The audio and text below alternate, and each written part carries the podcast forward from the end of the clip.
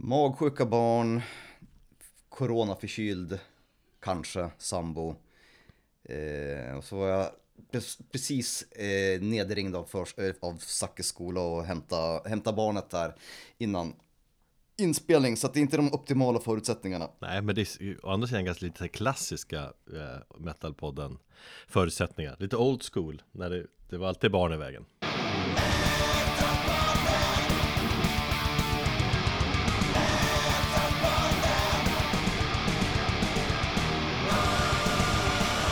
Hej och välkommen till avsnitt 154 av Metalpodden med jag Erik och med du Thomas. Hej! Det, det, det händer också saker i omvärlden, tänker jag. Vi ska gå med i NATO nu, typ. Och fan, det är Eurovision imorgon. När vi spelar in där. Det skulle vi se. Mm, det hade jag faktiskt ingen aning om. Nej. Eh, att det var. Men eh, nej, jag tror jag ska gå ut och eh, dricka öl imorgon och umgås med lite kompisar. Supa upp det lite grann. Ja, även om jag har söp ner mig tillräckligt förra helgen när jag var på Switchblade. Men, men, men en öl kanske man får i sig. Ja. Nej men och så bränns det koraner eh, i din stad, i Västerås idag ju, när vi spelar in det här. Ja just det, det ska ju, brännas, det ska ju brännas. Jag, jag väntar bara att upploppet ska komma här eh, på eftermiddagen. Vilken tid är det han ska stå där? Danskjäveln.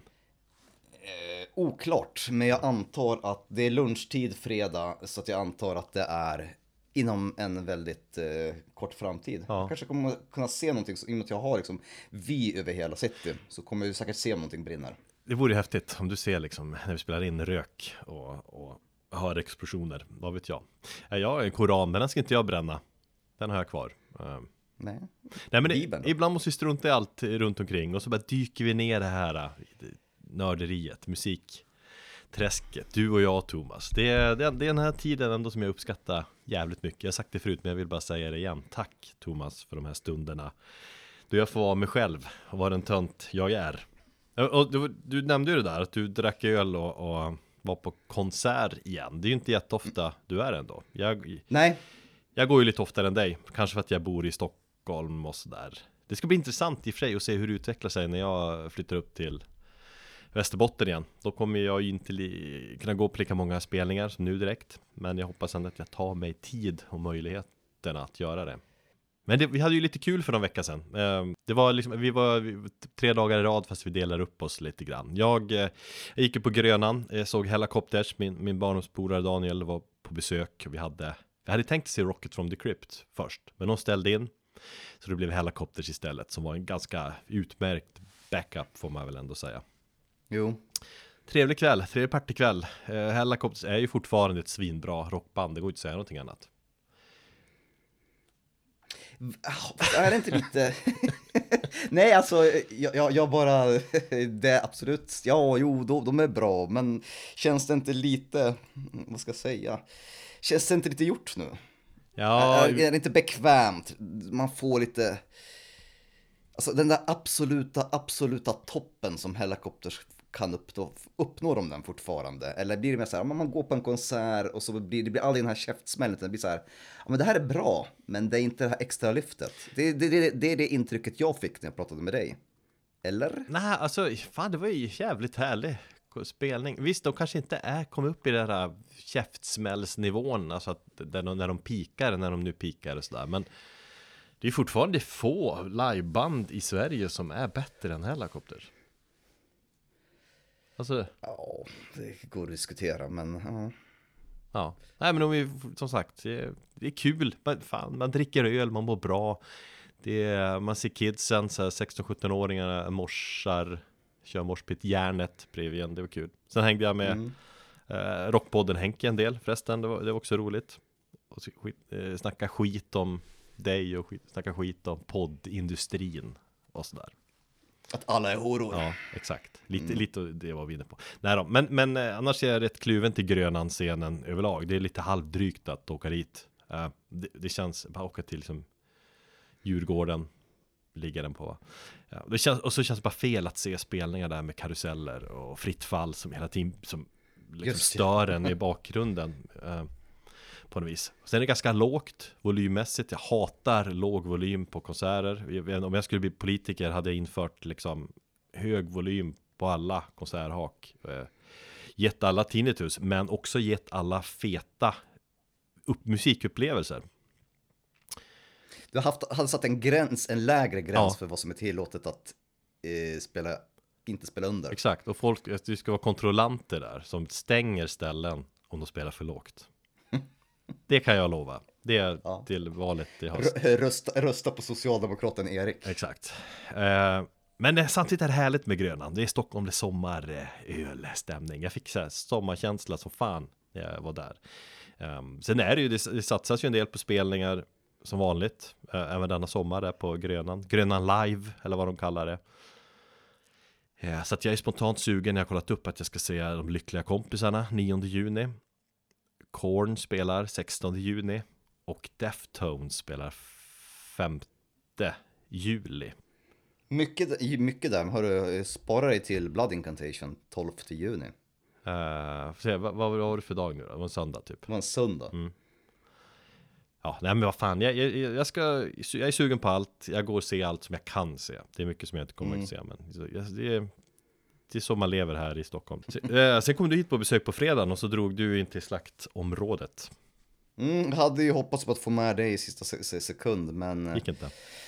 det gick inte. Så istället så var det jag och, det var Patrik och eh, Katakomba-Anton som hängde. Jag sov över hemma hos honom. Mm. Eh, det var skitkul, det var välbehövligt faktiskt. Eh, mycket för musiken skulle Switchwhale var, var, var svinbra. Eh, men överhuvudtaget få komma ut och få, få eh, ett, gör, aha, ett stort miljonbyte. Det gjorde bra för det psykiska.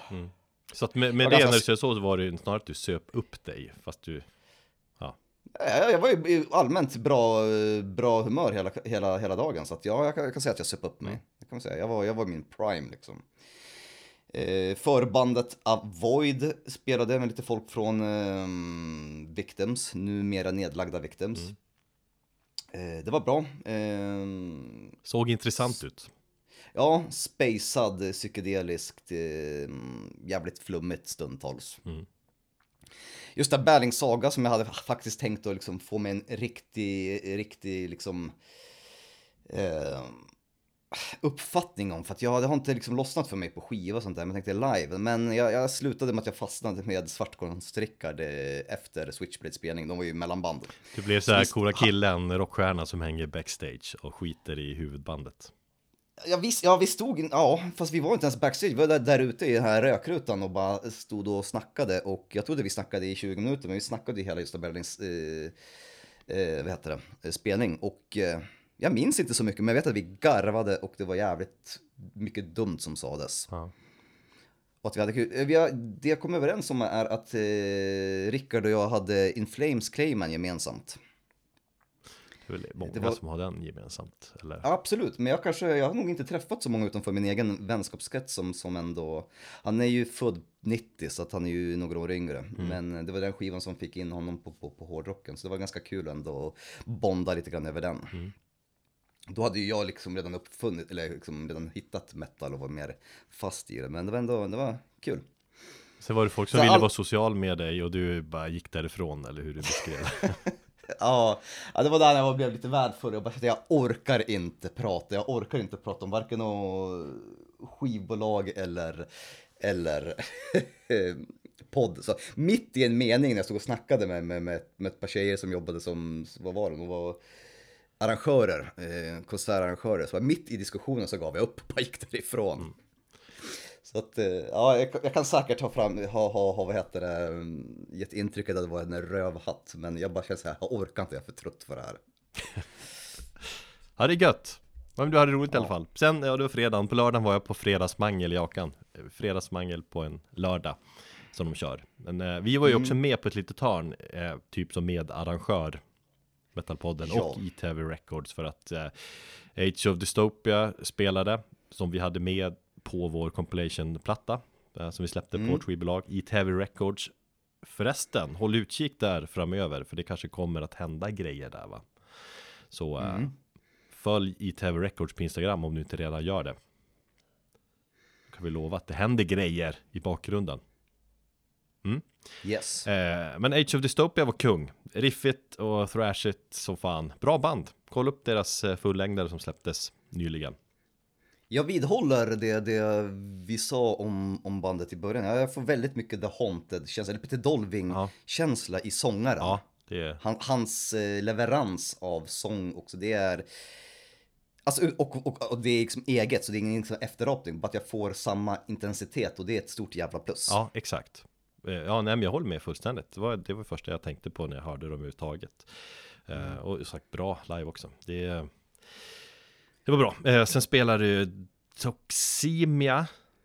Säger man kanske. Och, eh, ett, gammalt dödsband. De, de, de var väl liksom, de är veteraner på det viset att de var med när det begav sig väldigt tidigt. De släppte en platta eller en EP 89. Åh fan. Och sen har de återuppstått typ för några år sedan. Med lite nytt folk och så. Men det var oerhört trevligt. Eh, slaktade på friskt. Eh, så det var kul kväll. Och plus att jag var DJ. Så att före banden, mellan banden och efter banden så spelade jag musik där hela kvällen. Så gick jag i smyg. Och för se om någon som eh, driver den där klubben lyssnar om. Det gick jag så höjde liksom volymen. Jag maxade ju på liksom laptopen. Spelade. Och så gick jag och liksom smyghöjde på på förstärkaren också liksom. Så att det var, jag tror jag aldrig spelat musik så högt på det stället. På slutet sa de i och för sig, ja nu får du sänka lite grann. Ja, ja.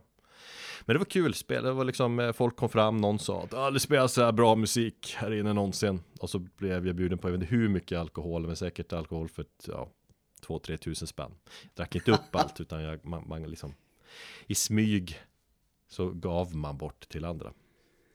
Helvete. Mm. Ja, jag hade önskat att jag kunde vara med där. Ja. Men, men jag hoppas att du spelade alla mina eh, musikval som jag, som jag tipsade om. Ja, du skickar massa YouTube-länkar, jag körde en gammal New Roses, men inget mer. Jaha, okej, tack för den du. Eh, men det var roligt. Eh, så, och synd att du inte kunde vara med, men vem vet, kanske får vi göra sånt framöver någon gång igen, nu när jag skötte mig så bra.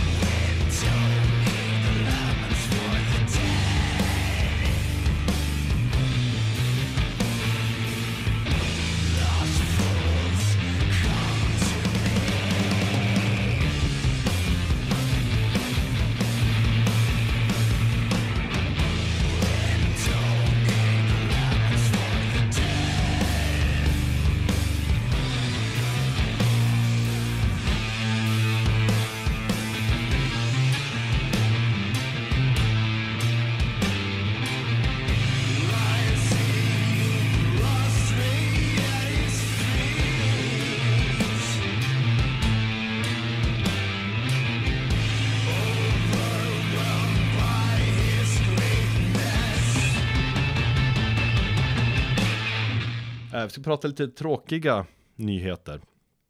Ja, och det var ju väl eh, eh, nyheten om Trevor Strnads. Jag blir alltid lika fundersam på hur man uttalar hans namn, men det är väldigt många konsonanter i, i följd och det borde jag ju veta i och med att jag är polack. Mm. Eh, hans tragiska bortgång i alla fall eh, igår. När, ni, eh, när vi spelade in det här förra veckan när ni lyssnade på det här. Eh, och vad vi kan tolka av det. Självmord. Ja, de skriver ju... Eh, det, fra, det, fra, det framkommer ju inte i texten, men det, det sista som de lämnade i inlägget är ju eh, att det är ett nummer till en Suicide Prevention Hotline. Går inte att tolka det på ett något annat sätt. Ja. Och det är eh, supertragiskt för antalet artister som mår dåligt och antalet artister som dör eller tar livet av sig. Har varit lite för, för många på sistone tycker jag. Ja. Eller så, ja, det Det- speglar väl samhället i stort. Det är ju bara det att, Det gör ju det. att när en, en känd person tar livet av sig så får man reda på det på ett annat sätt än, alltså jag menar Självmordsstatistiken är ju fortfarande hög Sen vet jag att du, hur det har påverkats under pandemin Men det känns ju som att Ja, jag vet inte Att det har gått upp Ja, det, det är som du säger, ja absolut, det är som du säger att eh, det är liksom, man börjar ju prata om eh, psykisk ohälsa varje gång en kändis går bort, men det, det är så jävla trist att det ska behövas gö- göras det när folk går bort, att man inte har det som en aktiv eh, ett, ett aktivt samtal och, och allmänt pratar om det. Och det är väl kanske det som vi försöker göra med den här podden. Mm. Där vi är ganska öppna med, med, våran, med våran hälsa och i synnerhet jag då. Ja, men exakt, och han har ju varit ganska öppen med, eller han var öppen med att han, att han har mått pissigt liksom. Mm. Och visst, Eh, men då tänker väl många att ah, det gör väl alla, mer eller mindre. Ja, de var ju ett jävligt stort band också så de, fick, de blev väl, och även, liksom, även om man är ett stort metalband i USA så kanske man inte blir rik på det men som jag tolkar det så kunde de i alla fall leva på musiken men, men när konserterna blev inställda och det gick inte att turnera så, så förlorade de pengar. Vad jag har förstått så sålde han ju av mycket av sina som hårdrocksmemorabilia. Han är ju liksom ett vandrande metallencyklopedi. T-shirtar, skivor, allting sålde han av för att kunna liksom Och överleva liv, ja. överleva. Och så, så, så, det här är ju rykten som man ska ta med en nypa salt, men sen så sägs det också att den här relationen som han hade med sin flickvän som inte var speciellt eh, lång, jag tror att de träffades förra året, också gjorde att saker och ting blev lite mer weird. Ja. Han började ju med amatörporr och Onlyfans och, och sånt där och tror jag också använde som ett sätt att ehm, försörja sig på. Så att absolut, det fanns säkert jävligt mycket, mycket, mycket mörker där. Nej, det är trist. Jag, jag kan ju säga också att jag har egentligen inget förhållande till bandet så. Tidigare har jag ju men, hört dem såklart. Uh, vi har aldrig liksom varit engagerade i dem. Vi har ju fått upp ögonen för dem egentligen på grund av dig. Du har ju pratat om bandet i den här podden vid minst ett tillfälle. Eller två. Jo, ja men jag har gjort det. Till med, vi hade till och med någon, eh, i början av podden så hade vi någon som, un, som önskade att vi drog ett helt avsnitt om Black Dahlia Murder som inte var patron. Men en vacker dag kanske det kommer. Ja men jag älskade ju bandet där i, i, i mellan 2005 till 2011, där mitten av 00-talet. Sen tyckte de blev lite mer, de stagnerade i sin musik. De hade sina tio år. De hade sina tio år precis, även om senaste plattan faktiskt var ett sving uppåt och kändes ganska fräsch jämfört med, med de senaste åren. Men det är ju Deflorate och Ritual som jag anser är bandets um, höjdpunkter. Mm. Ehm, så att vi, vi, får, vi får tänka på, på, på Trevor Strnad och The Black Dahlia Murder. Ehm, jag tycker ändå en institution inom modernare ehm, dödsmetall. Jag tror att kanske det finns de som skulle säga att det här var för mycket deathcore. Jag tycker att det fanns väldigt mycket av gamla skolans metal i, i bandet också. Ja, men det får man väl ge dem att det är ganska, det är som en blandning. Det, visst, det är mycket den melodiska dödsmetallen, men det är ju också tekniskt. Melodiskt, tekniskt, det fanns väldigt mycket hardcore-influenser Mm. tycker jag. Punk, så att ja. Eh, och det kanske hörs bäst faktiskt i en av de, de av mina favoritlåtar och det är den inledande låten från plattan Deflorate som heter Black Valor.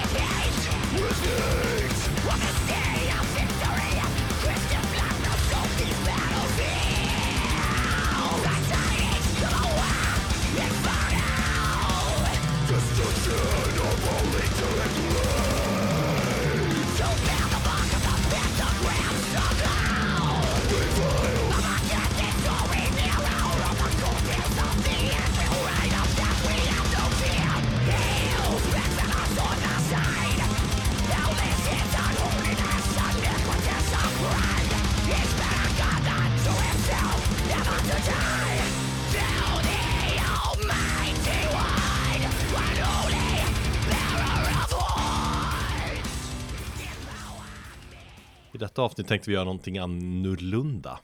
Eller hur? Någonting helt nytt. Ja, tror vi i alla fall.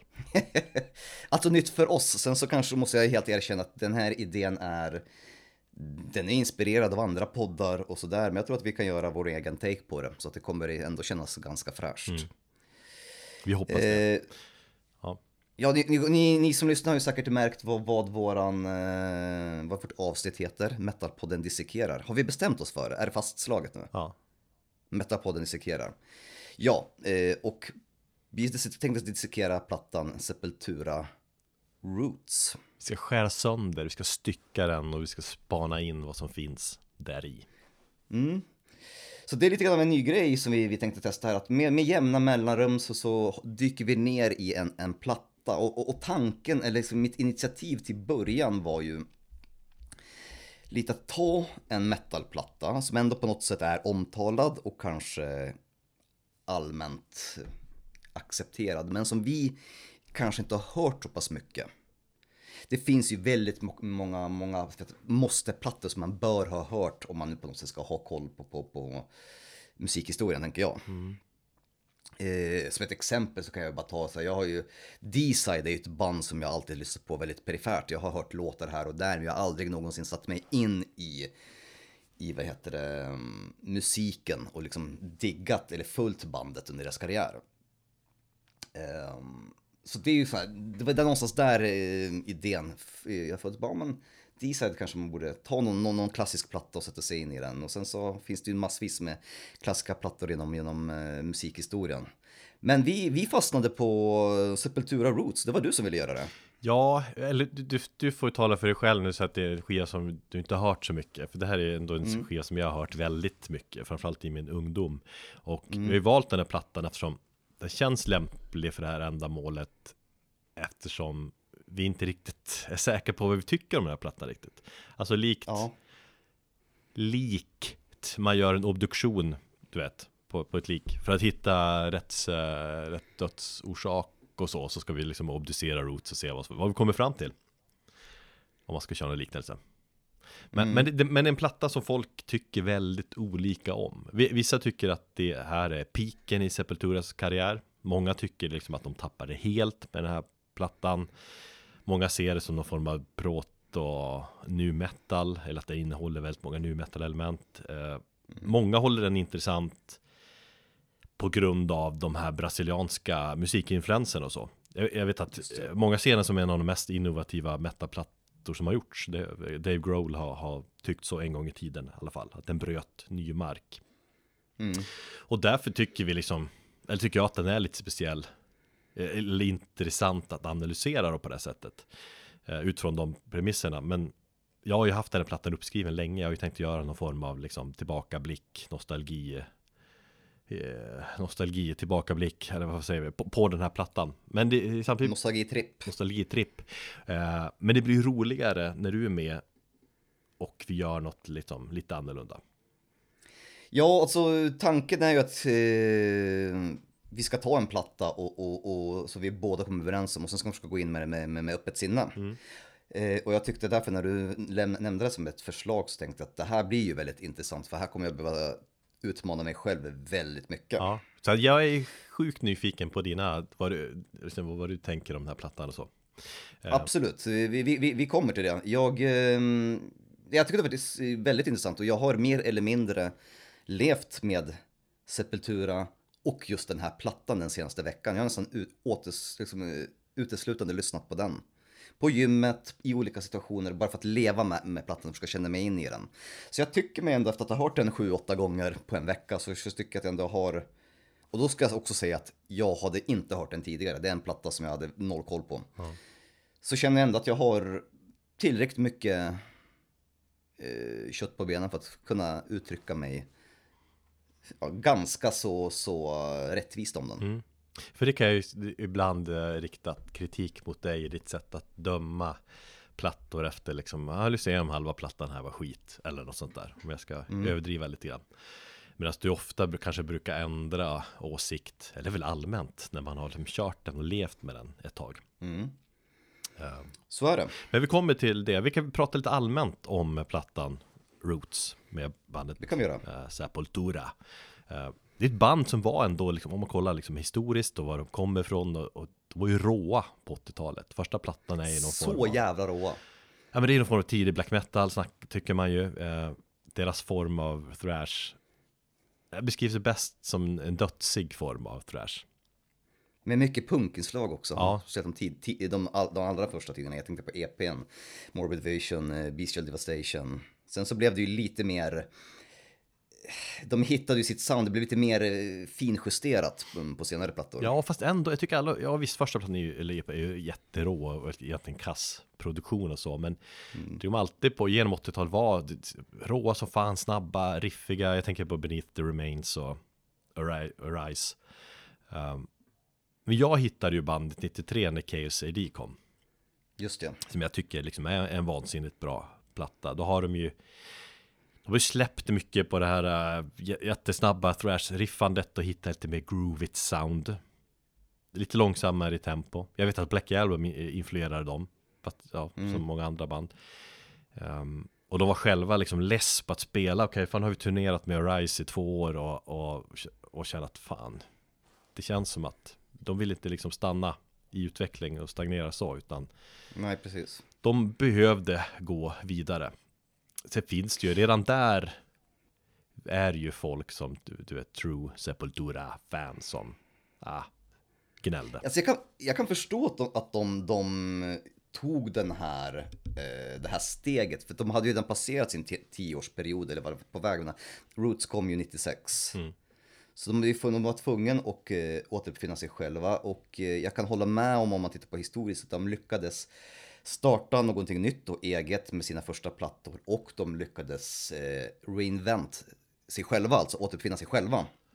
Ja. Med, med Roots-plattan och jag tycker att man redan hör lite grann av de influenserna på eh, K, eh, ja, KSAD. Det gör man absolut. Men de har ju börjat blanda in lite de här brasilianska rytmerna eh, på den skivan.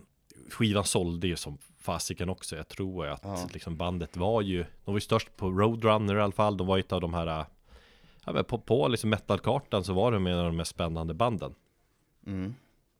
Så att liksom de, de kände att ah, vi kan göra vad vi, vad vi, vad vi känner för egentligen. Så det var ju därifrån de kom med när de skulle skriva Roots. Så de gick ju, eller Max Cavalera gick igång i tanken på att föra in ännu mer av, av Brasilien i soundet och gå, verkligen gå, gå all, all in. Ja, grundmålet var väl liksom att skapa någon form av konceptplatta där han vill liksom han vill in med brasilianska rytmerna, han vill spela med brasilianska stammar, han vill gå ner i liksom rötterna av brasiliansk musik men även liksom brasiliansk kultur.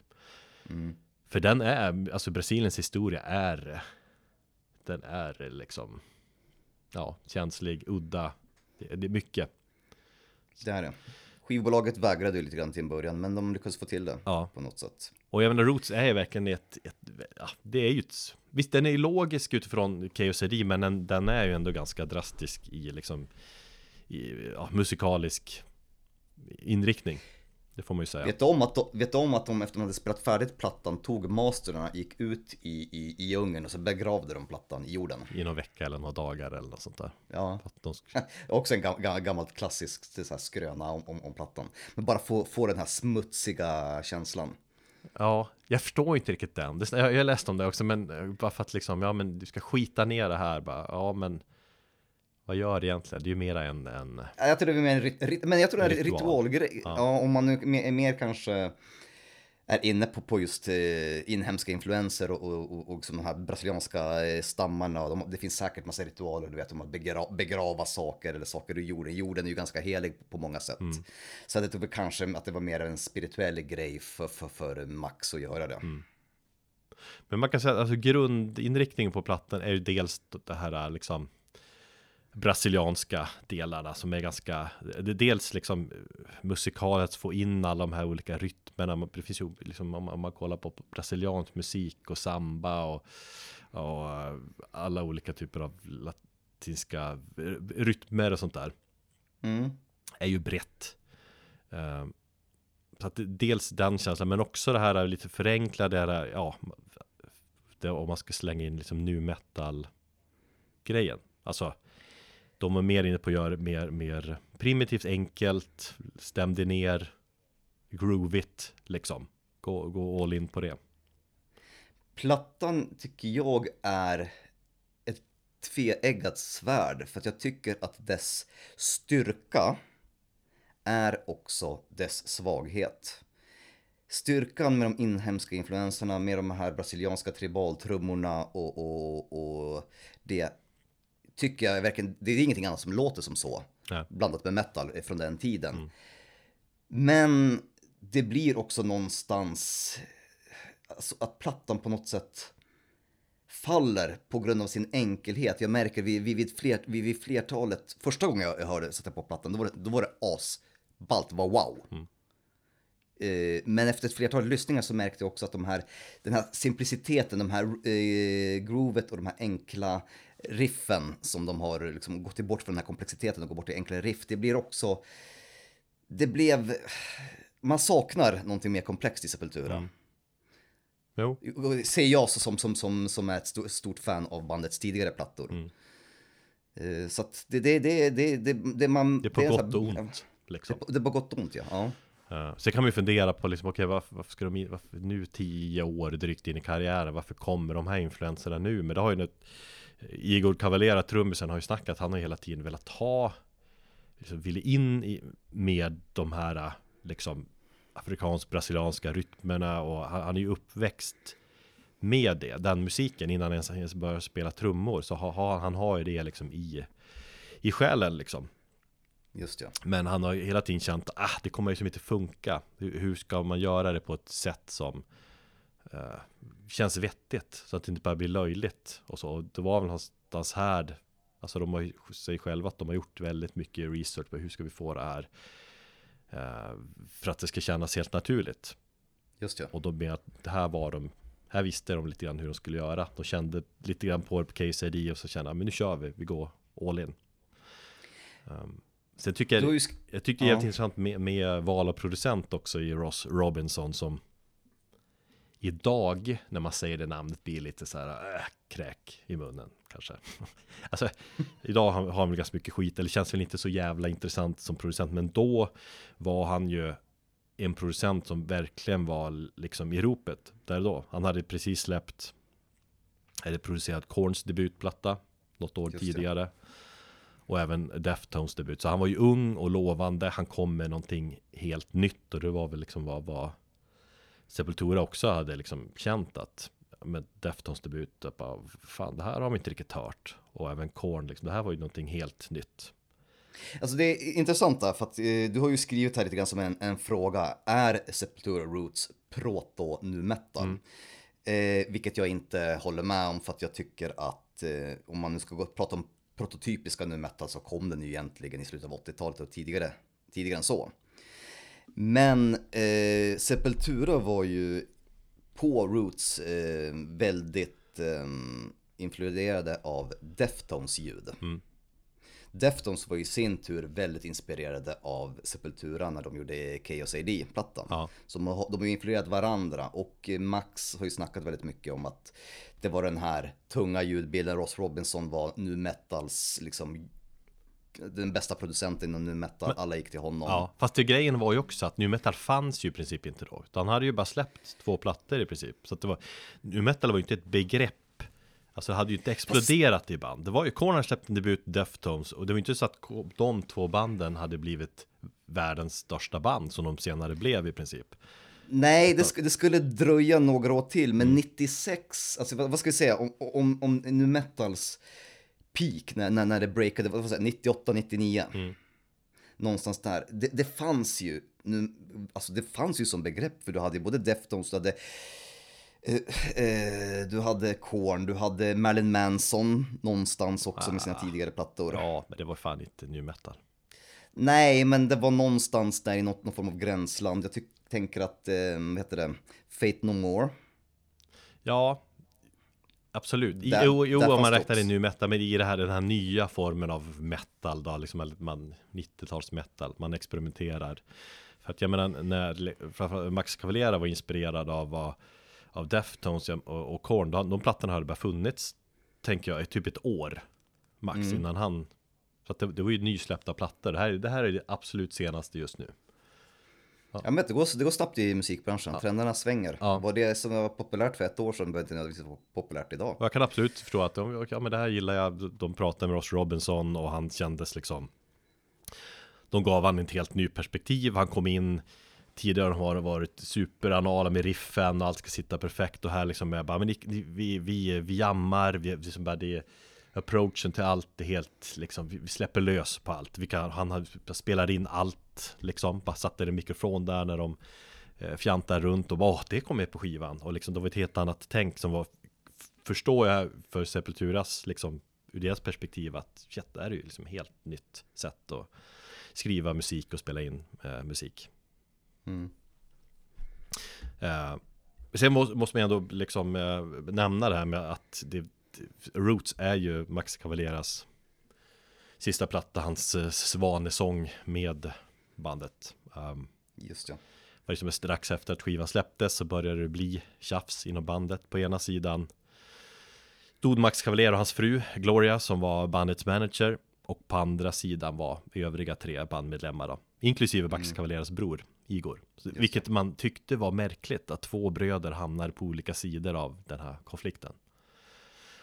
Men en, ena sidan hade ju som åsikter liksom om hur Gloria som manager skötte bandet. De blev liksom lacka på att Max eh, Cavalier fick posera själv på tidningsomslag. Jag kommer ihåg jag såg någon sån Kerrang omslag där han liksom höll i sin nyfödda son som typ nu mer är, han är väl trummis i Soulfly och sådär men och bandet kände att vad fan vi, vi är ju ett band varför ska han stå där med sin jävla nyfödda bebis liksom. Mm. medan Max eh, som kanske inte helt objektiv heller eftersom sagt bandets manager, manager är hans fru han, han menar att vad fan Kom igen, vi är större än någonsin. Vi är liksom ett av världens största metalband nu. Vi spelar på absolut största scenerna. Vi, det har aldrig gått så här bra för oss. Eh, vad är det som är fel? Liksom. Mm. Ja, men de kämpade på typ ett år innan det sket sig. De turnerade väl med Roots ett år. Och, eh, I samband med att kontraktet för, för managern, frugan, gick ut och så sa de att nej, vi kan inte fortsätta med henne. Och då valde ju Max att liksom hoppa av bandet. Just ja. Eh, det var ju någonting där också om, om det var ju någon olycka som, som var den mest utlösande faktorn till att bråket uppstod. Det var ju, eh, det var ju ganska... Det var, det var ju redan spänt inom bandet, men vad jag förstått så var det någon kusin till, till, eh, till någon i bandet också så, som, som, som dog var med om en bilolycka. Nej, ju, eh, eh, Glorias Eller? son dog i en bilolycka. Så var det kanske. Så att, och det fick de reda på precis när de skulle gå upp och spela på typ Donington som var i största scenen då. Så var det. Um, och resten av bandet, eller Max Cavalera och Gloria åkte hem till staterna liksom. Och de körde som trio. Ja. Men sen har du, fast samtidigt liksom är det som att, ja men de, det var Andreas Men var inte, Kisser. det sista spe, var inte det sista spelningen? Nej, Nej okej. utan det, det var liksom i början av året och så sen efter det blev det ännu mer stelt på något vis och, och så. Okej. Ja. Mm. Eh, men det, de säger själva att det är så jävla spinal tap av allting att det, det du vet, det var så små, små detaljer. Det finns ju en scen i Spinal Tap där liksom de klagar på att liksom, den här skinkan täcker mer än mackan. Hur ska jag ens kunna fungera som musiker? Nej, det- går inte ens. Ska jag vika den här liksom? Ja, de har ju efterhand i intervjuer sagt att det var till och med att de störde sig på de minst, på de minst löjliga, liksom, löjliga detaljerna som fanns. Ja. Men det är det också, de säger ja det är Spinal Tap. För det, det, i filmen är det ju en av medlemmarnas um, flickvänner kommer in och ska styra om massa. Vi har tänkt om helt och hållet och de andra bandmedlemmarna vill inte. Eh, och det här jävla bråket mellan Max Cavalier och hans forna bandmedlemmar fortsatte ju lång tid efter som bandet splittrades också. Det var ju liksom en såpa som pågick år efter år. Jag, jag minns jag läste om det här i Kerrang som jag alltid köpte under hela resten av 90-talet och framåt. Mm. Någonting som också blev mer och mer infekterat, typ att fan Alltså nu fan får de ge sig, jag är väl less på Sepultura och liksom Less på båda sidor. Sen var väl någonstans efter vad som hände med Pantera och grejen som Bröderna Cavalera insåg att fan, vi är ju bröder, vi, vi kanske ska börja prata med varandra igen. Och de har hittat tillbaka till varandra. Och Igor hopp, har ju hoppat av Sepultura, det var ju ganska länge sedan nu men men bandet Sepultura kommer ju alltid leva med det här. Alltså bandet kommer ju alltid vilja Det kommer alltid pratas om den här regelrätta, riktiga återföreningen med bröderna Cavallera, med Andreas Som ingen är sugen Kisser. på att göra. Jo, det har ju gjorts försök. Alltså i samband med, med ganska nyligen, någon, Roots liksom Ja, återförening. 2017 gjordes den, men de har väl, men det var fortfarande inte originaluppsättning. Det var ju någon som saknades hela tiden. Ja, jo, de körde väl liksom med Cavallera-bröderna, men det var inte, inte re- regelrätt Nej återförening. De körde inte liksom att det var Sepultura. Men- det har ju erbjudit stora pengar, har ju båda sidor sagt. Och de har träffats på någon festival. Okej, nu står våra turnébussar precis parkerade bredvid varandra och de har liksom kramats och så bara, ska vi köra det här nu då? Och det har väl, som, som jag fattat har det varit från Max håll, det har liksom, kom igen, vi gör, vi gör det här nu. Eh, och jag kan tänka mig att så här, eh, promotion, att det har viftats med sedlar liksom Oh folk kommer ju vilja ha, alltså folk skulle ju gå och se den där återföreningen. Men det har liksom inte blivit av och då liksom snubbe som basisten Paul Juno, han säger jag har inte snackat med, jag har inte snackat med Max Cavalera på 30 år. Ja, jag, liksom, jag är inte intresserad av, jag, vi står inte ens för den här musiken längre och vi har liksom gått vidare för länge sedan. Och det är som sagt, det är ju snart 30 jävla år sedan.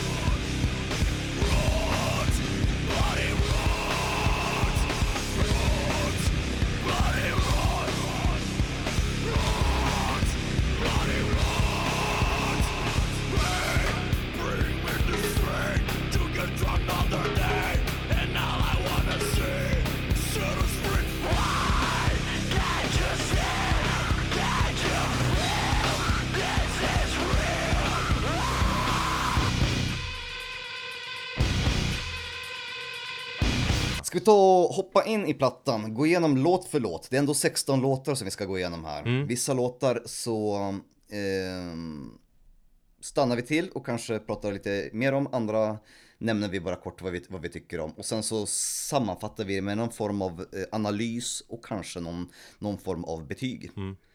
Där vi kan summera mm, vad vi har gjort av den här dissekeringen. Ja. Men så här, den här personliga kopplingen till plattan, du hade i princip aldrig hört den. Ja, jag tänkte jag skulle, jag tänkte att jag skulle ta om den här, min personliga koppling till plattan i och med att vi hoppar in på första spåret. Okej. Så om du är redo så, så kan vi ju köra där. Inledande Roots, Bloody Roots. Eh, det är ju en talande låt och en av bandets kanske, ja det är väl kanske den mest framgångsrika singlar. Skulle jag kunna säga. Det är alltså kommersiellt gångbart i alla fall. Ja, det är väl typ deras fan fetaste låt på något sätt. Ja, eh, och det är faktiskt, ja det, det, det finns en, det, det är en släpande bas, det finns liksom nu metal-riffande där. Eh, någonting som, som, är, som följer som en röd tråd genom hela plattan. Men jag tycker fortfarande den är svinbra. Jag kanske tycker att också det är plattans, en av plattans eh, höjdpunkter. Så de bränner av krutet ganska tidigt redan i början. Du tycker att det, det jo men det är klart det, det, det är det är fan det är ju plattans höjdpunkt. Det är ju så mycket snack. Ja, det, det finns några till höjdpunkter, vi, vi, vi kommer till det. Men i alla fall, eh, jag hade, det här var mitt första möte med Sepultura. Eh, kan det ha varit eh, någon gång, eh, ja 97, 98. Jag minns när vi, någon tidig kväll när jag och syrran satt och tittade på Melrose Place eller eh, vad heter det, Beverly Hills som var väldigt populärt på 90-talet. Eh, och sen under, rek- under någon eh, reklam så, så bytte jag över till ZTV och så spelade de den låten. Och både jag och min syrra tittade på varandra och tittade eh, och sa, vad fan, vem som helst kan ju skrika så där, det är ingen konst, det är ingen konst liksom. Jag var 13-14 år gammal så jag var ju precis på väg in i metal. Jag hade ju inte riktigt omfamnat metal. Eh, hårdrocken hade jag ju gillat. Men jag hade fortfarande, jag vill minnas här, eh, innan jag liksom omfamnade In Flames för första gången och metalband, att jag hade problem med, med, med att acceptera sången. Du var väl inte 13 år 98? Nej, men det var alltså 97, då var jag ju 14. Mm. 14, ja men 13, 14, 15, någonstans där. Jag var ju ganska ny inom, inom, eh, inom eh, metal och hade svårigheter fortfarande att acceptera eh, growl-sång inom musiken. Så det var min, min första reaktion när jag såg den här med syrran. Vi tittade på varandra och eh, bara vad fan, vad är det här för någonting liksom? Men jag har alltid tyckt att Max Cavaleras growl så är ju ändå ganska liksom lättillgänglig på något vis. Ja, det kanske inte var det då för en 13, 14, 15-åring, men, men, men idag kan jag absolut se det. Jag, jag tycker att den är, det är ganska effektivt på, på den här Roots-plattan också. Mm. Den tjänar i sitt syfte. Ja, men alltså jag, jag, tycker att det här var ju första låten Max Cavalera skrev. Då var det den här som satte ribban, var det här som satte hela inställningen till plattan och vad, vad, vad Max vill göra just det, enkelheten i grundriffet, det är typ, visst det är ju nu metal i tanke att det är bara två toner liksom.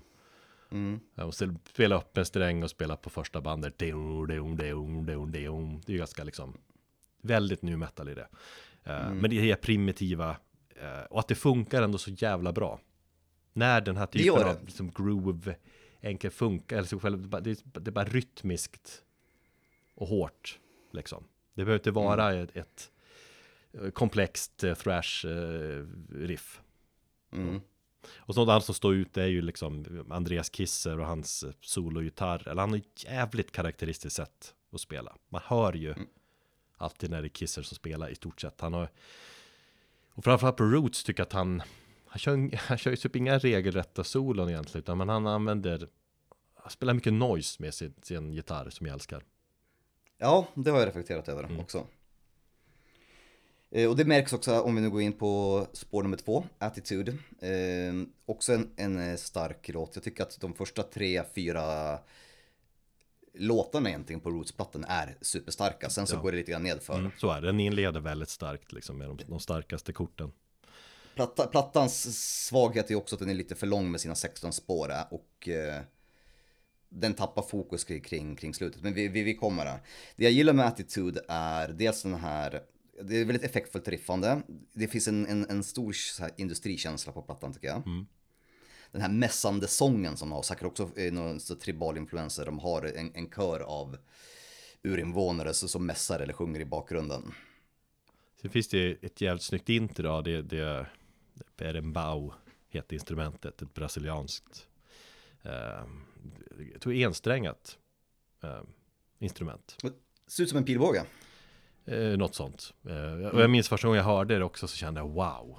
Så, och ja, då är mitt liksom 14-åriga jag.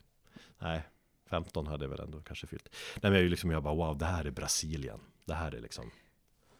Ja men det, det, den, den, den gör väldigt mycket för låten, mm. det där instrumentet. Perfekt intro, Absolut. perfekt liksom övergång till metal-delen av låten.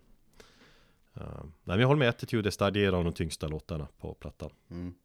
Uh, Cutthroat kom ju på tredje plats. Uh, också stark kort, en av de uh, uh, låtar som kanske mest närmast liksom vad de har släppt tidigare. Mm, ja. Mm, mer, mer, mer KOCD skulle de kanske kunna ha släppts på. relativt kort, typ tre riff. något breakdown riff och så liksom solo på det. Jag gillar eh, filsen i den här låten. Ja jävligt snygga fills i, i, i refrängen. Och eh, bra allmänt riffande. Och sen så har vi det här Andreas Kisser-solot i, i, i, slutet av låten mm. som, som du snackar som låter lite mer noisigt. Mm. Som man gör fantastiskt bra. Jo, men fortfarande en, en, en, bra, en bra trio med låtar som, som, som inleder hela plattan och känns som att jag kan förstå att man blev eh, golvad av plattan. Ja. När den kom. Jag skulle också vilja räkna in eh, Ratamata spår fyra till liksom eh, en av de bästa låtarna. Det, det, back in the days var ju det här ofta den låten jag alltid återkom till på den här plattan. Den här och liksom, eller när man var less på Roots, Bloody Roots. Men här har man liksom ett exempel på när det gifte sig bra med de här brasilianska influenserna, tribal-trummorna. Eh, Det är allmänt catch, de har tagit hjälp av eh, en snubbe som heter Carlinos Brown som är en brasiliansk musiker och producent och blandar liksom känt att blanda massa olika stilar och funk och, och R&B och soul och reggae och sånt där traditionella brasilianska eh, musikaliska stilar. Um, och jag tycker bara så jävla cool blandning. Do- dock är jag lite kluven nu. Samtidigt, alltså nu när jag lyssnar så känner jag eller jag inser att Max Cavalera tog det här konceptet som han hittar på den här låten framförallt då eh, Och byggde vidare på det på Soulfly-plattorna. Det finns ganska mycket, många låtar på Soulfly-plattor som är ja, men som typ låter åt det här hållet. Eh, Så därför tycker jag att den här låten, nu när jag lyssnar, ah, det är lite jobbig jävel, men eh, ändå bra. Ja, jag är beredd att hålla med om. Jag tycker att den, börjar, den blir lite väl plojig mot slutet. Det blir lite för mycket så här reggaeton-känsla eh, på den. Och jag tror också det är en låt som kanske gjorde sig bättre i en eh, tidsperiod. Att den var kanske full, alltså att lyssna på den idag så känns det att den har inte åldrats så, så väl. Nej, eller, eller liksom att just då var det unik. Nu har det liksom gjorts mycket samarbeten och, och sealarders eh, hit och dit och liksom att det känns inte lika coolt som det var då. Ja. Det finns andra spår på, på skivan där jag tycker att de här eh, inhemska influenserna för sig bättre än i den här låten. Så därför kanske jag inte håller den. Jag håller inte den så högt men jag, jag förstår vad du menar för jag tycker att ändå den har, den är jävligt udda för den tiden kom med. Och så sprutar de massa ju portugisiska liksom ord som vi visst är bara någon jävla rappakalja på något sätt. Ja. Har jag fått förklarat för mig. Um, men, men samtidigt är ju den här låten där de har tagit in mest Brasilien i. Alltså det är 50-50 eh, musikal Ja. i blandningen på något vis.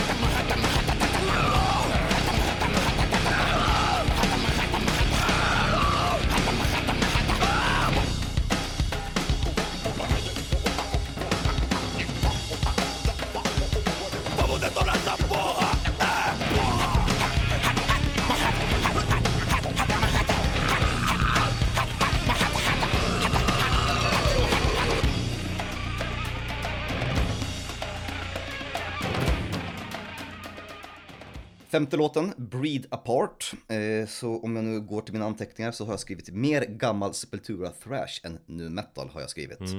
Och det var den låten som, som jag också kände när, du, när vi nu pratar om att eh, det är en låt som kanske skulle kunna hört hemma till och med på, på eh, Chaos AD eller lite tidigare plattor. Det finns ett riff där som påminner mig om mer tidiga 80-tals Sepultura.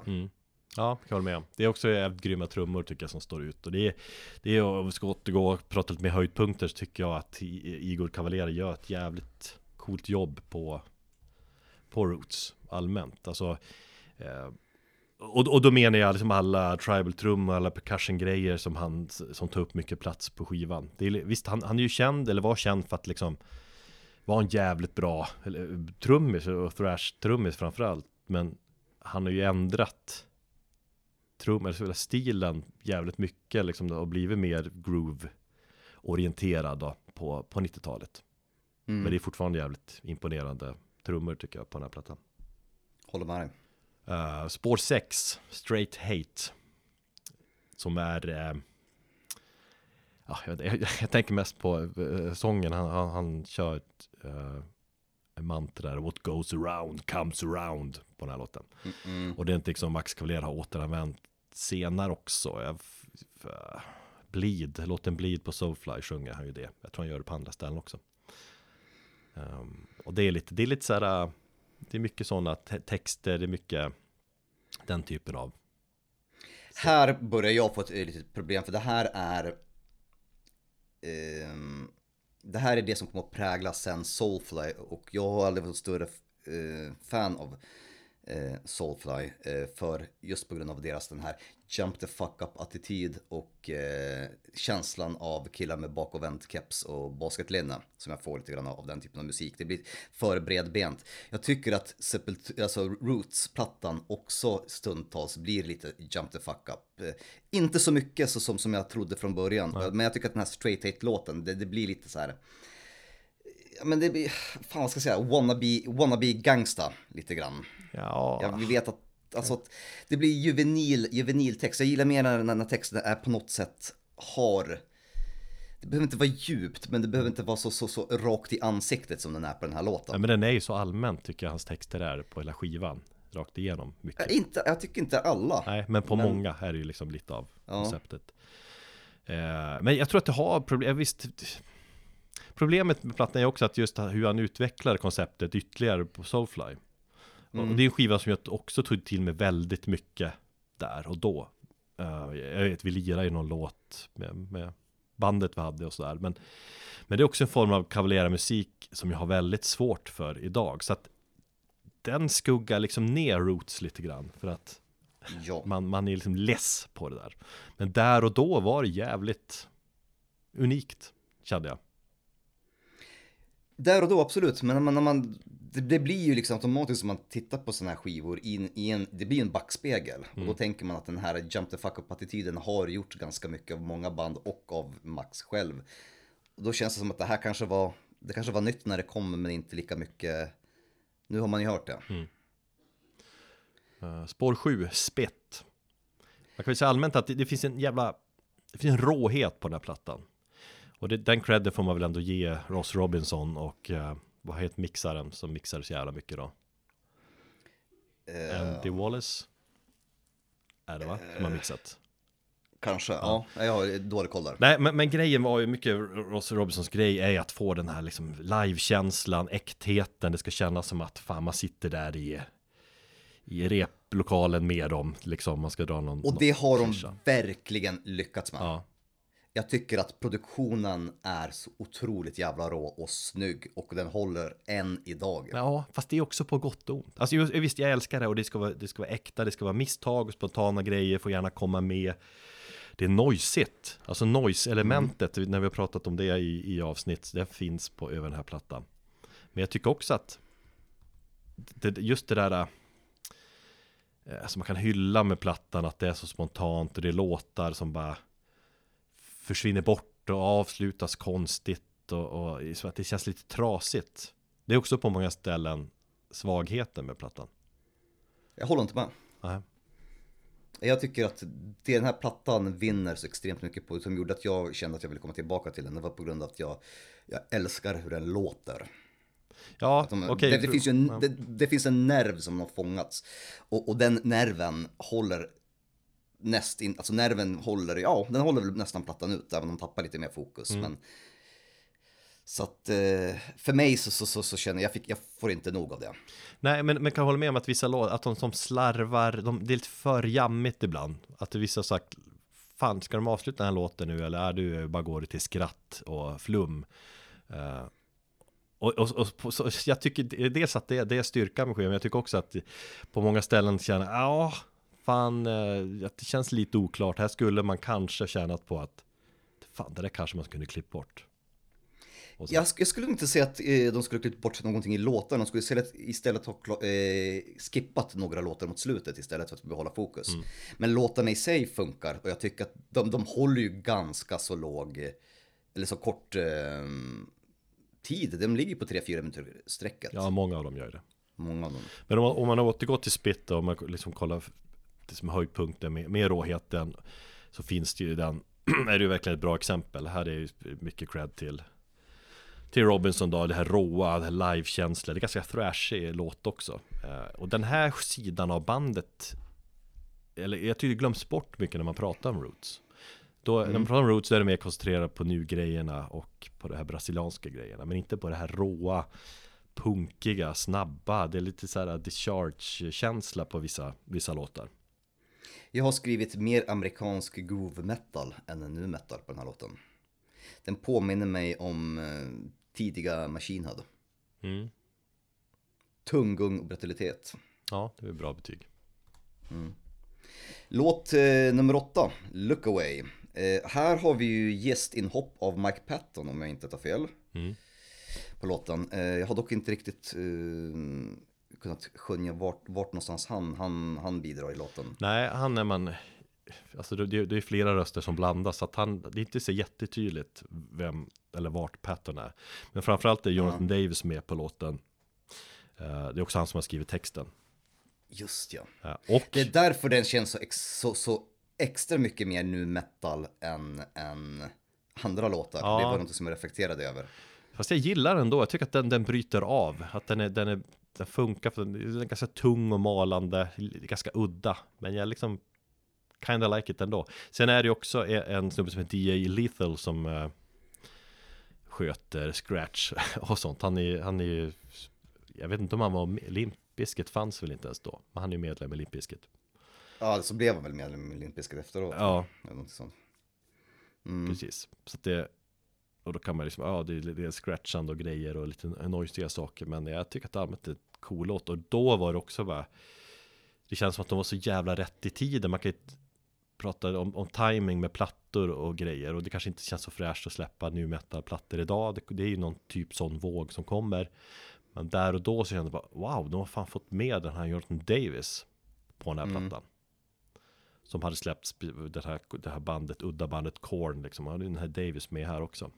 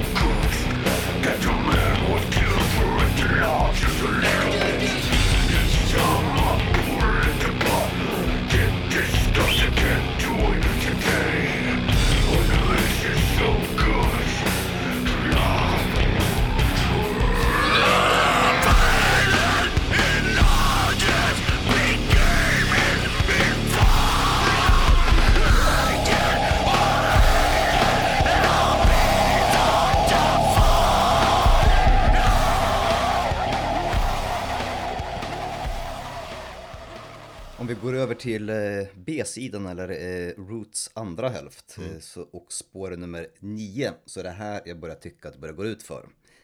Eh, Dusted. Eh, tydlig nu metal, eh, både i riff och eh, rytmsektioner. Jag tycker det är väldigt mycket, man hör det på trummorna och, och så här vet.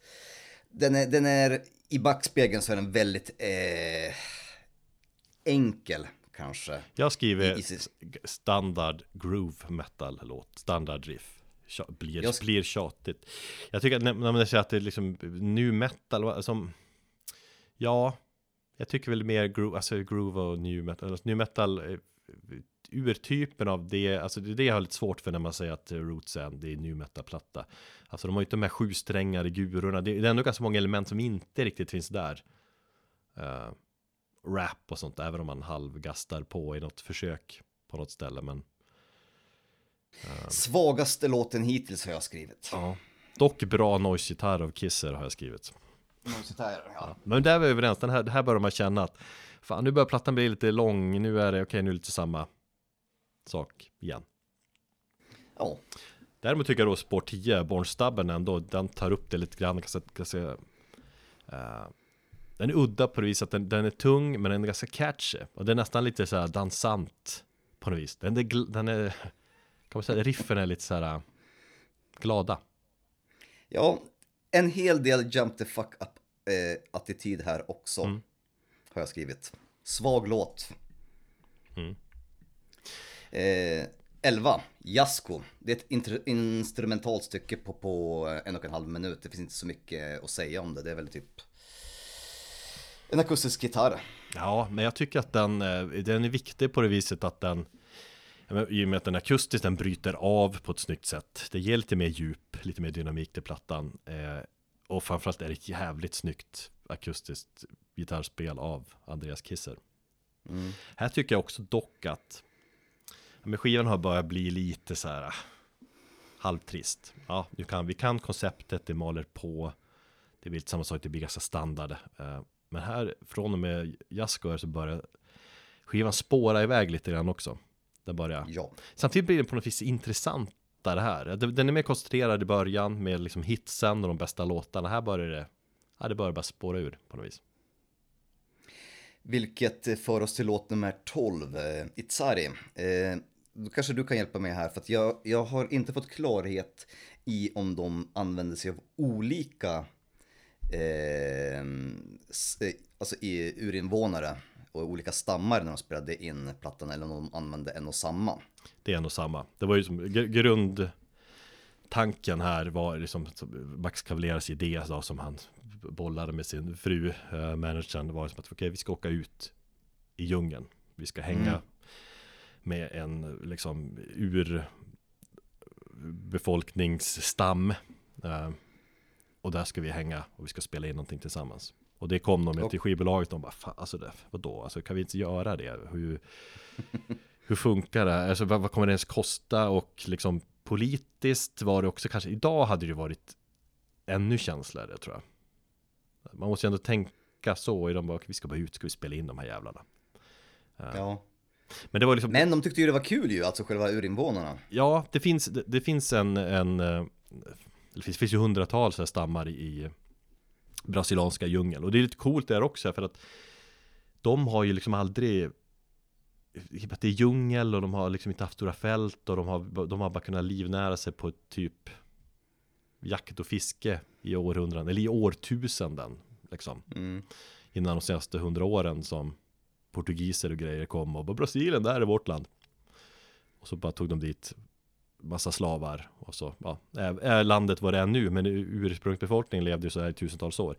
Eh, och det finns en, en sån här stam då som heter uh, Xavante eh, Just ja. stammen, som är lite mer positiva till, till vita och liksom eh, har träffat liksom ja, eh, modernare Ja, för jag, sk- jag har skrivit ner här i mina anteckningar under den här låten, då trodde att det var den stammen de använde sig av Ja.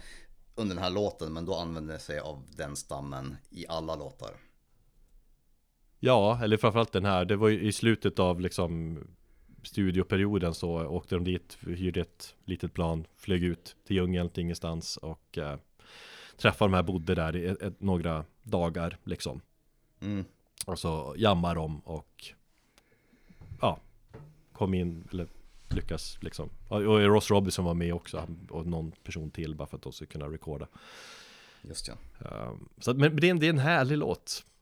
Det är, och visst, man kan tycka också politiskt, det är, de, de, det är någon liksom tunn lina där mellan respekt och liksom att de Ja, jag, jag vet inte Det kan, eh, ja, men jag tror att bandet framförallt som kommer också från Sepultura kommer från, från trasiga förhållanden och fattiga förhållanden liksom att och, och de är medvetna om eh, brasiliansk historia och grejer, att de vill göra någonting bra av det här. Mm. Hade de bästa intentionerna, säger man. Eh, Men, men eh, jag tycker på något vis att det här, det här är liksom ändå skivans höjdpunkt på något vis. På, alltså, det är så jävla härlig känsla och jag, på, på den här tiden på 90-talet, vi förfestade till den här låten ibland då. Hoj, hoj, hoj, hoj, hoj, hoj, hoj, hoj, hoj, hoj, och liksom sjöng med den.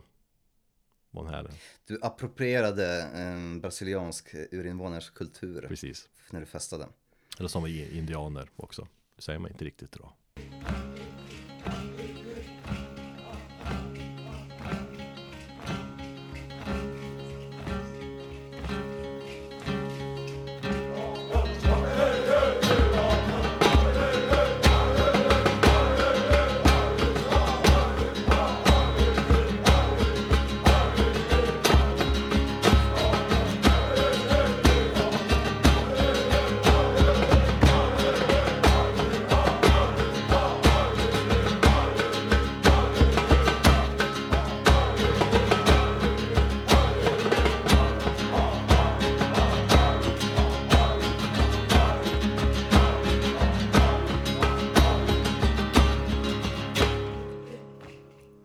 Ambush, spår nummer 13, fortsätter med sin jump the fuck up attityd och som kom att prägla Soulfly väldigt mycket framöver. Det, det är vad jag har skrivit. Men ändå ganska cool låt, eh, absolut. Men, men det är en låt som ändrar karaktär, inleder ganska tung, groovig, svävar ut i något så här lömskt tribal parti för att sen avsluta hårt. Här kan jag ju säga att vid det här laget så har jag fått nog av plattan egentligen. Här, är, här någonstans så skulle den ha stannat, kanske en, en, en eller två låtar innan. Men vid den här tidpunkten så har jag tappat fokus och, och vill egentligen gå vidare. Nej. Så det, det är det, så, så jag känner. Ja, nej men jag, jag kan hålla med om att det, hade de tagit bort två, tre låtar någonstans. Ja. Vilket ändå är konstigt, för om vi går till låt nummer 14, Endangered Species, så tycker jag att det är B-sidans starkaste spår. Håller med där också. Och det är jävligt intressant för det här är en låt som jag inte minns. Alltså jag känner, Alright. jag känner varenda låt liksom känner jag, men den här liksom har jag ingen Alltså, inte riktigt minnet i den här. Jag känner inte igen riffen, men det är en låt som jag verkligen, verkligen gillar. En cool låt. Snygga fills och trummor, inte så mycket nu metal har skrivit, en låt om miljöförstörelse och den känns väldigt aktuell idag. Ja. Den, känns, den känns modern, det är ungefär som om den känns som om den var lite kanske före sin tid vet, på något sätt. på något sätt. Det, det händer Ja. mycket i den här låten. Och det är sagt, det är coola tribal-trummor och det eh, Det är oväntat bra låt som jag liksom bara har suttit och bara, hur kan jag inte minnas den här låten? Mm. Så det var spännande. Och Andreas Kisser gör också lite mer av ett eh, ett riktigt solo här. Det är kort, men det är typ det enda riktiga solot han gör. Och det, det, det säger någonting också. Det kommer på spår 14 in på plattan. Ja, precis. Mm. Sen har vi då vad som egentligen är det sista spåret, Dictator Shit. Som är också ett ex, eh, bästa exemplet om, tillsammans med Spit, låten Spit då, som på det här råa och, och liksom äkta brutaliteten som eh, Cavalera kan, kan vara jävligt bra på. Um, som han också visat upp mycket med, med Cavalera Conspiracy framöver och så. Det är punkigt och det är snabbt, det är två minuters liksom punk eh, käftsmäll. Det är ganska liksom primitivt och det är liksom kanske texter som är ganska, tycker jag, ofta som är ganska uppenbara liksom texter vad han menar och sånt där. Ja, det, det, går, det går ingen liksom... Ingen lär ju missförstå vad, vad låten handlar om. Nej, Eh, men annars så, så, så håller jag med dig på alla punkter. Mm. Snabb och punkig liksom. Och sagt, ännu ett exempel, den, den, den här sidan av Roots pratar man aldrig om. När liksom, det är så jävla roligt att bara gå in på Metal Archives och kolla recensioner. Det är liksom bara the, the, the gay of gayness eller typ uttryck. Skriver folk ja, så, att eller? typ amerikaner och så här. Och liksom ger dem noll procent, den här sker noll procent i betyg och sånt där. Men också folk som hyllar, alltså det är så jävla, Ja, det är delat. ja. Och jag, Det- ja, där man är också där. Det, det, både- den här plattan både höjde bandet som en av de största, ban, eh, största banden i, i, i metalhistorien samtidigt som det sänkte dem totalt. När du det- säger det- största band i metalhistorien så får folk tänka nej Men jo, du, du syftar snarare på där och då 96 Där och då, ja, ja. Så var det absolut så uh, Men vi hoppar in på vad som vi är med spår 16 också då Ja, Canyon Jam. Det är ju egentligen ett, eh, någon, någon form av outro. Inte, är det ett bonusspår? Nej, det är Det, inte. det här är ju egentligen ingen riktig låt, det, det var ett gömt spår på CDn Så att den är, den är till exempel inte, den är inte med på alla versioner Jag har den inte på min vinylutgåva till exempel Men jag har den på min CD Och jag minns att jag kunde somna till den här plattan Och så vaknade jag upp Till det här spåret Och liksom man bara, vad fan är jag någonstans? Jag är ute i djungeln för vad, Ja, det är syrs- det är syrsor, Ja. det är djungelljud och en extremt härlig låt. Jag blev jävligt glad och avslappnad av att lyssna på den. Det är ju ambient som fan får man ju säga Ja.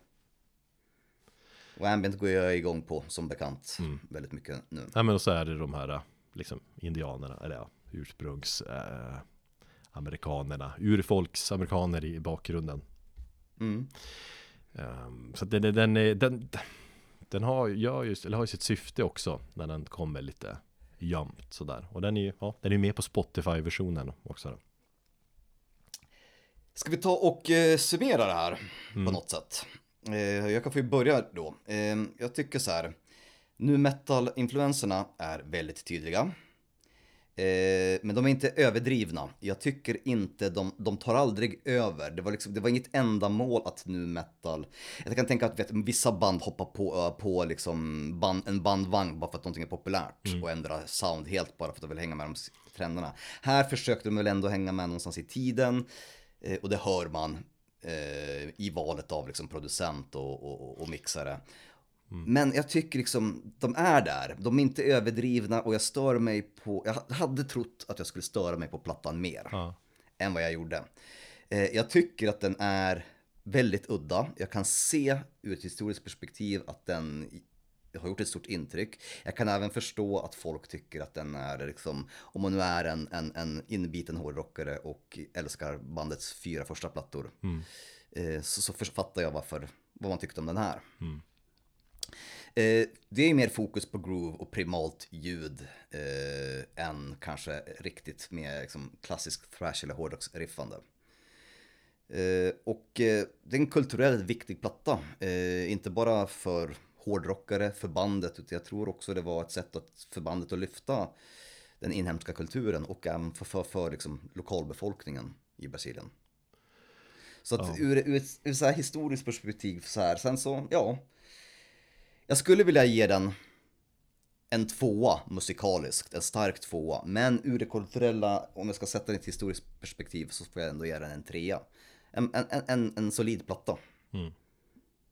Så det är ungefär någonstans där jag, jag stannar i. Det är så lustigt också för att när man kollar på, jag vet inte hur det är på Spotify, men på Apple Music så finns det tre versioner. Originalversionen, det finns någon 2017 remaster och sen så finns det någon bonusutgåva som jag inte är riktigt eh, har kommit underfund med om den är remasterad eller inte, men den har en massa livespår. Så det kan ju bara vara ett återsläpp. Eh, Jag har lyssnat på alla tre bara för att kolla, hör, liksom, eh, jämföra ljudet. Eh, jag kan inte säga att jag direkt hör någon skillnad och jag tycker inte det är en platta som behöver remasters för jag tycker att originalutgåvan låter svinbra som den gör. Ja, nej men det är för att sälja lite nytt och sånt där. Pressa Definitivt. nytt och, och så. Men ja, jag har ju någon version med massa extra spår och grejer också som jag, ja, jag är väl inte så jävla intresserad av det heller. Eh, men det, jag tycker det är intressant och, och när man pratar liksom att den har influerat eh, och så. Jag har ju funderat på det där. Alltså, Ja, jag tror absolut att Roots kan ha inspirerat band runt världen att liksom med vidga synen på vad som är möjligt i metal. Det var ju ett sånt album, liksom eh, ja men, roadburn kompatibelt på det viset. Att man, det behöver, ja men metal, man kan, man kan blanda in massa annat. Det behöver inte vara eh, så jävla väst och amerikanskt och europeiskt liksom, utan man, man kan blanda in Ja, allt möjligt. Och, men samtidigt sen också att eh, det, det ledde ju inte till att det kom massa andra album som lät som Roots. Nej, Det kom ju inget sånt. Ja, förutom typ Soulfly, men det är ju liksom, det är ju samma, samma låtskrivare. Och eh, Sepultura, det som var kvar av Sepultura så här, och- också, visst. Men ing- inga, liksom, det var inte att det övriga band kom att det här kommer fan. jag vill, jag vill, vill minnas att det kom något ja, brasilianskt nu metalband, men det var nog många, många, många år senare in på, på mitten av 2000-talet. Ja, Men, men nej, absolut, det var ju inte så att det här exploderade i någon form av ny eh, roots-trend. Mm. Det gjorde ju inte. och samma sak också när man snackar liksom det här nu metal och att vad de har bidragit till den scenen, det vet jag inte riktigt heller. Visst, det är liksom gästartister med Jonathan Davis, David Sil Silvera, eller Silvera, vad heter han, trummisen från Korn, dåvarande trummis Ja. som är ju också med. Och det är en Limp snubbe och eh, man hör absolut att det är nedstämt, det säger de själv, liksom så här, men Eh, och, och liksom det här crewet, men jag vet inte om det var att det var att det liksom det, det är så många andra band, alltså nu metal band och, man- kollar Korn som var en mycket större grej av vad nu metal blev än vad den här Roots-plattan. Det fanns liksom influenser framförallt. Man tog där eh, Ross Robinson och hade sitt tänk hur man ska spela in plattor och sånt där och det här groovet och sånt där. Men i stora hela vet jag inte om den är så jävla nu metal. Nej. Förutom att den är, enkel och de här primitiva riffen och, och, och sådär. Den är präglad av sin tid, men jag tycker den ändå... Ja, jag tycker ändå på något sätt det finns en inte- integritet Ja. i, i, i, plattan. Att det här är ett band som inte bara hoppar på en trend, utan de blickade lite grann utanför. De var jävligt trötta på, på sig själva och den musiken de hade skapat. Eh, Och då Och fick de ett erbjudande, eller de fick en, en liksom syn på att fan vi kan, man, man skulle kunna utveckla musiken i det här hållet. Det, ja. Och nu finns det möjlighet att göra det, nu har vi chans att göra det. Och ingen, liksom vårt skivbolag säger ja, ja fan, go for it, liksom gör vad ni vill. Då gör vi det. Men sen också som, som jag var inne på, som inte jag riktigt tänkt på förut, men alltså något som verkligen slår mig är ju hur rå plattan är och att den, den är så punkig och man, man känner discharge och um, vad heter de, Amibix och, och, och sådär i det, det här riffandet och Cavalera sätt att spotta ut sången och, och Mm. det tänker som jag inte riktigt har tänkt på att det så tydligt finns där tidigare. Men sen visst, det är inte, det är inte den, den snabbaste och inte den fräschaste Sepultura-plattan på något sätt. Den delen, och de delarna finns ju inte där. Men det är ju, på ett annat sätt är det ju den mest intressantaste Sepultura-plattan. Den mest liksom, kanske dynamiska, även om den blir lite enformig ibland. Men, och den, den platta som låter coolast liksom. ja, nog den plattan som kanske står ut mest i diskografin Ja. också och, och liksom lockar blickarna till sig. Men sen visst, den är, den är ju för lång. Det, det beror på hur man räknar den där sista gömda spåret eller inte. Så är den ju runt timmen och det blir lite tjatigt i längden. Ja. Jag tycker. Men sen mitt betyg, fan, jag har suttit och funderat på det där vad jag egentligen tycker och man försöker vara ärlig. Och jag har ju också levt med den här plattan nu ganska mycket. Ja. Eh, och jag, jag fängslas av platta stundtals. Det finns partier jag tycker är jävligt bra. Det finns andra partier som är mindre bra. Den, den mår ju bra av att lyssna på den ett par låtar än att köra hela plattan igenom. Exakt, exakt. Och ibland att inte ha den, har jag skrivit in här också, att inte lyssna aktivt på den. Att ha den på, maxa volymen i, i hörluren när du är på gymmet och lyfter vikter. Men att du har fokuset på, på någonting annat än själva musiken. Då märkte jag att den var ganska upplyftande. Men ju mer jag försöker sätta mig in och analysera och lyssna aktivt, då, då, då hittar jag de här grejerna som jag kanske kan störa mig på. Och det var väl, var det 25 år sedan förra året? Den, eller, ja, det är väl typ 26 26 år sedan nu som har gått efter Roots, så det är, det är ju lång tid. Eh, och idag är, jag menar metal allmänt, den är mer bred än någonsin. man, man tänker på ett jävla instrument och någon, någon typ av musik och så tänker man att ja, då finns det ju någon metalartist eller band som har experimenterat med att slänga in det.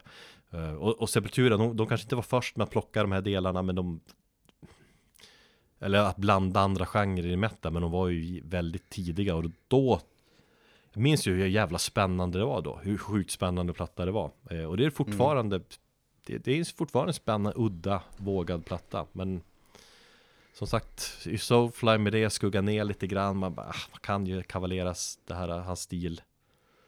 Um, Men jag skulle vilja, jag, jag, jag tänker så här KOCD tycker jag är bättre, det tycker jag är en stark fyra till platta liksom. Ja.